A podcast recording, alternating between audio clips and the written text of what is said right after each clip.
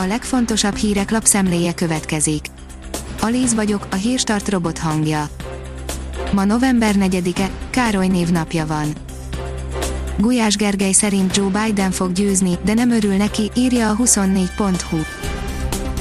Vannak velem szemben az optimisták, akik szerint a jelenlegi elnök tud nyerni, én ezt szívből remélem, de én a pessimisták táborába tartozom, mondta a miniszter. Tiszti főorvos, exponenciálisan nő a fertőzöttek száma, írja a Demokrata. Egyre jobban emelkedik a naponta megfertőződők száma, ami elsősorban azoknak a kontaktusoknak köszönhető, amelyek egy-egy fertőzött ember környezetében létrejönnek, mondta Müller Cecília. A Hír TV szerint USA 2020 ki lesz az új elnök. Még mindig számolják a szavazatokat az Egyesült Államokban, de nem dőlt el, ki lesz az elnök. A növekedés oldalon olvasható, hogy pénzmosodákat zárt be a NAV. A Nemzeti Adó és Vámhivatal munkatársai az elmúlt időszakban négy nagyszabású pénzmosás elleni akcióban csak nem 7 millió eurót és 2 millió dollárt, vagyis több mint 3 milliárd forintnak megfelelő összeget foglaltak le különböző bűnözői köröktől. Rendkívüli bejelentésre készül Karácsony Gergely, írja az ATV. A főpolgármester közösségi oldalán az írta, 14 órától tart rendkívüli sajtótájékoztatót, amit Facebookon élőben lehet majd követni. A 168 óra online szerint a fék helyett a gázra lépett a kiskorú leány, hamar meg is zúzott két kocsit a debreceni mélygarázsban. Január 30-án az esti órákban egy férfi és a kiskorú barátnője az egyik debreceni üzletházban lévő edzőterembe mentek autóval, a mélygarázsban parkoltak le. Az Agroinform szerint mi lesz ebből, terjed a sertéspest is Németországban, itthon bezuhantak az árak.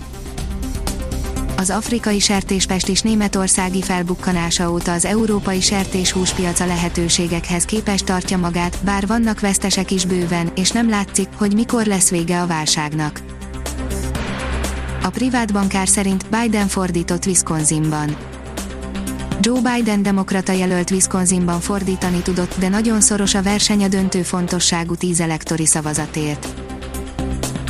A magyar mezőgazdaság oldalon olvasható, hogy búza, kukorica árfolyam egyre csökkenő jegyzések. A budapesti értéktősde árupiaci szekciójában a termények jegyzése továbbra is szünetel, a piaci szereplők a nemzetközi árutősdéken tájékozódhatnak a gabonafélék és az olajmagok különböző lejáratokra szóló jegyzéséről.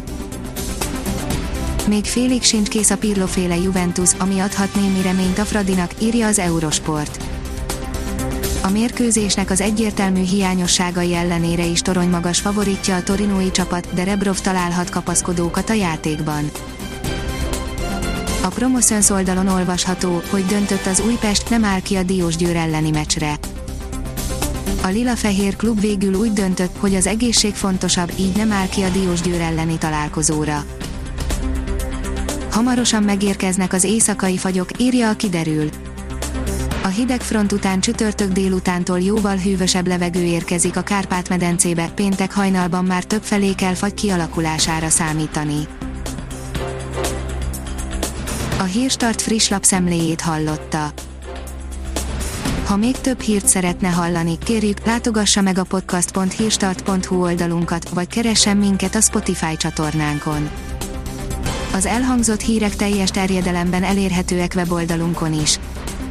Köszönjük, hogy minket hallgatott!